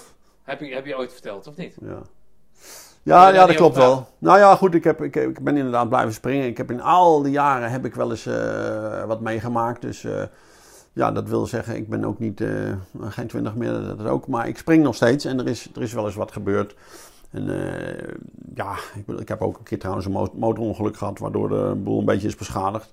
Dus ja, dat, dat, dat gaat op zich wel goed. Maar dat springen doen we nog steeds. En wat wel heel leuk is, is dat ehm, eh, tijdens een wandeling vorig jaar in Bloemendaal met, met de mannen hebben we, eh, kwam eh, dat enig die stormschool? stormschool Bloemendaal. Ah, oké. dat zou Ja, die wandeling was ik vorig jaar ook bij. Ja. Hè, toen we nog niet last hadden van dat, co- corona en dergelijke. Toen plotseling kwam het woord parachutespringen op tafel. En eh, daar was iemand die zei tegen mij van... Peter, jij doet dat toch nog steeds? Nou, dat klopt. Ehm, voordat ik het wist, had, was zat de tafel vol met uh, liefhebbers die uh, dachten van... hé, hey, dat is leuk, uh, hoe zit dat, ik wil dat, enzovoorts. Ik heb nu een lijst, lijst van 40 liefhebbers... waarvan we de eerste 10 alweer current hebben op de, op de ronde bol. En dat is dan de Commando Parenstichting. Maar daar ben jij dan instructeur of zo? Van nee. Nee, of weet ik hoe dat nee. doet? ja, dat, dit, dit, is, dit is een beetje een uitgebreid verhaal, maar in een notendop. Ik, ik ben gewoon degene die nog steeds uh, springt. En er waren er wel een paar meer. Maar het, het verhaal kwam bij mij terecht. En uh, ik heb gewoon uh, zelf niet de mogelijkheid, maar ik heb via allerlei zoektochten bij Tessel, Teugen, zelfs België. Uiteindelijk kwam ik bij de Parengroep Holland terecht. Wat, uh, wat een clubje is van, van, van liefhebbers van uh, oude militaire zaken, maar die wel het ronde bolspringen nog steeds doen. Ah, okay. En omdat we natuurlijk inmiddels allemaal burgers zijn, ja. kunnen we niet bij Defensie aankloppen voor materiaal en instructeurs. Dat hebben hun wel. Dus ik kan, of we kunnen, een, een, uh, gaandeweg wat mannen via die weg weer current maken op de ronde bol. Oké. Kijk, ik spring natuurlijk vanaf uh, 83 uh, spring ik nog steeds. Dat is gegaan heel snel al naar zo'n square parachute zoals het heet. En uh, nu geen static line meer, vrijval. En fijn, ik heb nog uh, wat andere dingen gedaan. Dat doe je nog steeds? Dat doe ik nog steeds. Oh, okay. Sterker nog, ik... Ja, jij zit, weet ik, ik zag je op internet wereldkampioenschappen, weet ik veel wat. Ja, man, dat is al zo lang geleden. Nee, ja, goed, maar het staat er nog steeds op. Ja. Dus daar heb nou je ja, dan beginnen we eigenlijk weer vlak na mijn diensttijd. Ging ik, ging ik omdat ik het miste, het springen, ben ik weer gaan springen. Omscholing square gedaan. Voordat ik het wist, uh, werd ik gevraagd voor een viermansteam uh, uh, formatie springen. En, dus van die figuren maken van die figuren aan maken. in de lucht? Ja, okay. ja, ja. En ik ben toen heel vlot al op een gegeven moment naar een paar keer de WK geweest. Of de World Cup zoals dat heet. En ja, ik zat dus in het Nederlands team als formatiespringer. En dat was natuurlijk... Stoer man! Ja, dat was hartstikke leuk. En, maar goed... De, de, de... Waar gaan we even... Waar, waar, gaat het, waar gaat dat om? Gaat dat om het figuur maken? Is dat dan zo lang mogelijk bij elkaar? Nee hoor, ja, het is, gaat, is de in, in, Ja, je hebt de formatiespringen heb je in verschillende disciplines. Wat ik deed met name was de, de vierman. Je hebt vier, acht en zestien man. En ik deed dan de vierman. En dan ga je met z'n vieren eh, aan het vliegtuig eh, gelinkt, zoals dat heet. Maar hij houdt elkaar vast eruit. En dan moet je binnen 35 seconden moet je, uh, zoveel mogelijk figuurtjes maken die vastgelegd zijn. Ja, oké. En dat, die, die, punten, dat, dat, ja, dat geef je natuurlijk een bepaalde uh, ranking in de, in de uitslag. En, en dat, is, uh, dat is eigenlijk waar het over gaat. En hoe jureren ze dat dan? Met een camera die er bij hangt. Dan ja, nou we hebben verschillende manieren gehad. Vroeger hadden ze een, camera van beneden naar boven. Inmiddels was dat natuurlijk niet meer. Nu is het zo dat er een camera, wat ook, ook live beelden hadden we. Hè, dat de cameraman een zendertje meeneemt. Maar eigenlijk wat, wat nu altijd maar gebruikt wordt is, is, is uh, dat er een cameraman... Dus hè, je springt er met z'n vier in ons geval uit en een cameraman gaat er achteraan en die ligt erboven en die filmt gewoon wat we aan het doen zijn. Ja, ja, Inmiddels doe ik dat ook, want mijn zoon oh, ja? springt ook uit het vliegtuig en die zit in een viermansteampje. En uh, die uh, in een viermansteam en ik, en ik video dat dan nu, omdat ik dat vierman springen in wedstrijdverband zelf ja, dat uh, ja, zeg maar toch wel te oud voor ben. en dat zou nog wel kunnen, maar ja, goed, ik wil toch wel heel graag toch wel iets scoren. Wat leuk, man. Ja. Oké. En dus ik doe dat nog steeds, ja. Oké. hey, luister, nou, we hadden en dan kappen we ermee. Maar jij hebt een zoon, je oudste zoon, hè, die op je elfde voor de deur stond met zijn tasje en zei ja. van pap, ik ga bij jou wonen. Ja. Dus daar heb jij, heb jij wat mee, natuurlijk met al je kinderen, maar de band is sterker. Jij, er was wat moeite met, met Jackie. Jackie had wat moeite, weet ik. Maar die is nu rode beret, vertelde jij. Nu vertel je ook weer dat hij springt. Dus hij, hij, hij is echt wel zijn vader een soort achterna gegaan, toch? Ja. Of niet? Ja. Wat gebeurt er nou, want dat, dat ben ik dan... Wat gebeurt er nou als zo'n Jackie, jouw Jackie, die rode bret had? Nou joh, dat is, dat is ik, ik, moet je eerlijk zeggen, natuurlijk hebben we waarschijnlijk allemaal wel het, het ontstaan van luchtmobiel uh, meegemaakt. En uh, ik heb dat natuurlijk niet helemaal gevolgd. Maar uh, mijn zoon die wilde, uh, ja, luchtmobiel, de naam zegt het al, die had daar ook wat mee. Dat, dat kan best wel eens sprong mij... hij al, of niet? Of? Nou, hij is een, een, aantal jaar geleden, ik heb hem als, als, als jonge man al een paar keer, wilde hij op zijn verjaardag een tandemsprong maken. Dus dat, dat, eh, ja, dat is natuurlijk deels mijn schuld. En op enig moment eh, dat ik op Texel zijn zoveelste tandemsprong deed en ik was mijn parachute aan het vouwen in de tussentijd, had hij met de centrumbaas geregeld dat hij een AFF-opleiding ging doen. Dat is een vrije valopleiding. Nou, dat is inmiddels uh, Hoezo vijf of zes jaar. Zelf geregeld. Ja, Oké. ja, dat had hij maar bedacht. Ehm, waardoor ik, ik zag dat allemaal zo gebeuren. Daardoor ik me afvroeg, oei, gaat het allemaal goed? Want ik wist natuurlijk dat hij niet zoveel geld verdiende. Maar goed, dat is ook allemaal geregeld. En toen is hij begonnen met springen. In de tussentijd heeft hij eh, toen die tijd zo'n beetje gesolliciteerd eh, bij Luchtmobiel. Nou, vervolgens aangenomen. En ik heb, eh, een paar jaar geleden ben ik dus bij hun eindoefening geweest. Waar hij zijn rode beret kreeg. Wat gaat er dan door je? Fantastisch. Ja? Ja, respect voor die mannen. Ik heb, ik, ik, ik heb, natuurlijk hebben wij een groene beret gehaald en ik heb die opleiding natuurlijk ervaren. Maar toen ik die mannen, ik ben een half uur voordat we mochten komen, ben ik gekomen en ik heb ze uit het bos zien komen. En toen dacht ik van nou, die jongens hebben best wel wat meegemaakt.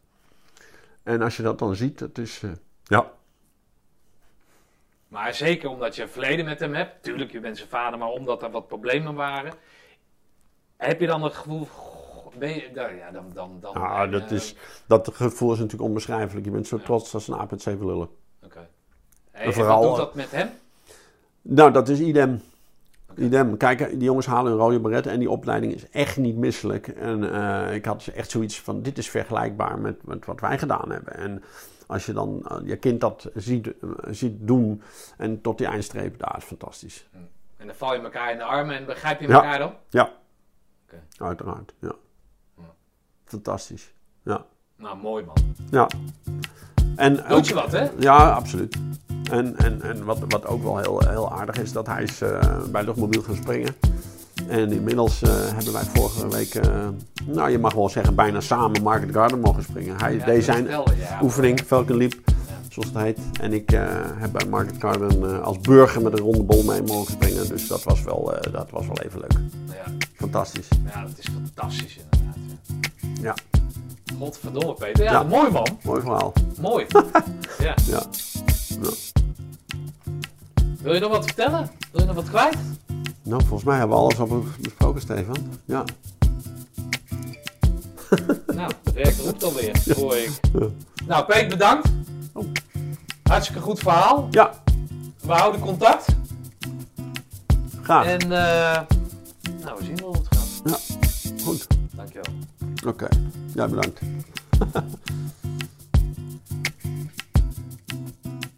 Nou, dat was hem dan weer. Peter, veel geluk en liefde gewenst en wees zuinig op hen die je naast omgeven.